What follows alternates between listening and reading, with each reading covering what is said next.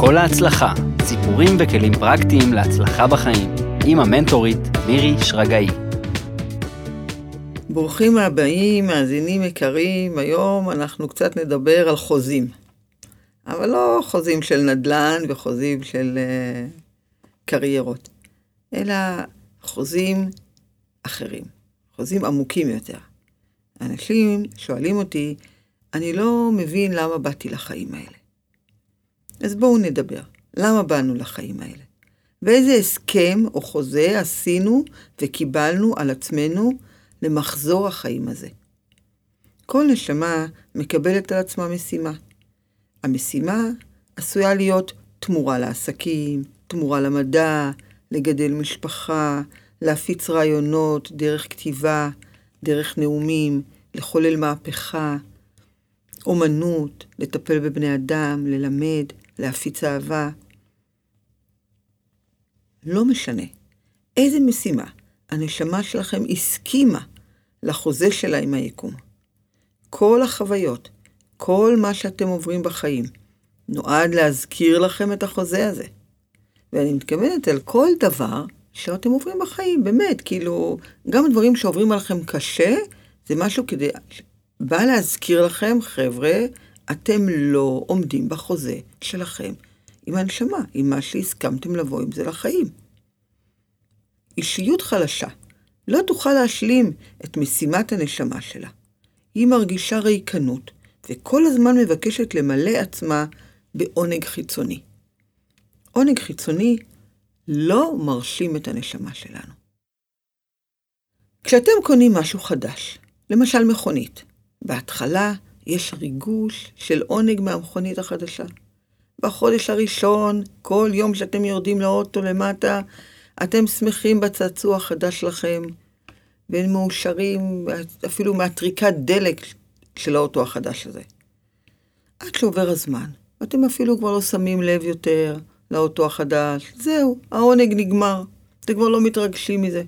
עכשיו אתם רוצים עונג חדש. ככה זה תמיד. עונג זה לא אושר. עונג זה לא הסכם עם הנשמה. זה בסדר שיש לנו עונג, אבל צריך להיזהר מלהתמכר לעונג הזמני הזה, כי הוא לא מרשים את הנשמה שלנו. לעונג עליות וירידות, ואחר כך תחושת ריקנות שצריך כל הזמן למלא בעונג חדש. סיפוק של צרכים המבוססים על פחד לא יביא אתכם אל המטרה. כל פעם שהאישיות שלכם מצליחה להגשים מטרות המרוחקות מההסכם שלכם עם הנשמה, לא יהיה לכם מספיק במטרות האלה. תמיד תרגישו שחסר לכם משהו אמיתי. החסר הזה הוא הרעב של הנשמה שלכם לקיים את החוזה שרציתם מראש, שבאתם איתו לעולם. רק שהאישיות שלכם תלך ביחד עם הנשמה, רק אז תרגישו סיפוק ואושר. אם תתקרבו במודע לכוח הפנימי האותנטי שלכם, רק אז תוכלו לממש את המשימה של הנשמה שלשמה באתם לעולם. כשאתם מתקרבים במודע לאנרגיה של הנשמה שלכם, פתאום אתם צוברים כוח. כוח לחיות את החיים. בעצם אתם מתרחבים ולא מצרים. אז השאלות הנשאלות או השאלה בעצם זה שאלה. איך תרגישו ואיך תזכרו את המשימה של הנשמה שלכם? איך? איך עושים את זה?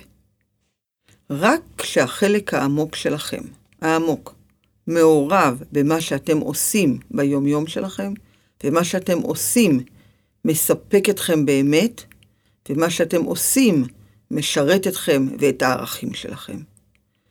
רק אז אתם באמת באמת מתחילים להזכיר לנשמה שאתם איתה. כשאתם לא מתעייפים מהחיים, כשאתם מרגישים את הרגשת הסיפוק המתוק של העבודה והחיים הסובבים אתכם. אז, אז הנשמה לא קורעת תחת נטל השלילה והפחדים. היא חווה תחושה של משמעות, מטרה וסיפוק מהחיים. אל תפחדו מהכאב. בכל חוויה של כאב ושלילה, יש הזדמנות ללמוד משהו חדש. בעצם לקרוא תיגר על התפיסה השלילית שיש לכם מאחורי הפחד היסודי. זה מלמד אתכם לבחור בתבונה וחוכמה. זה נהדר לפגוש את אומץ הלב שלכם. ככל שתשתמשו בו, הפחד יתפוגג לאט, לאט, לאט. כשהפחד יחדל להפחיד אתכם, אתם תראו שהוא ייעלם.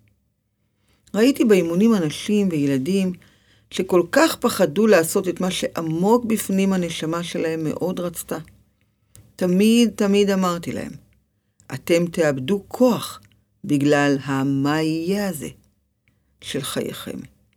שמרו את הכוח לכאן ועכשיו.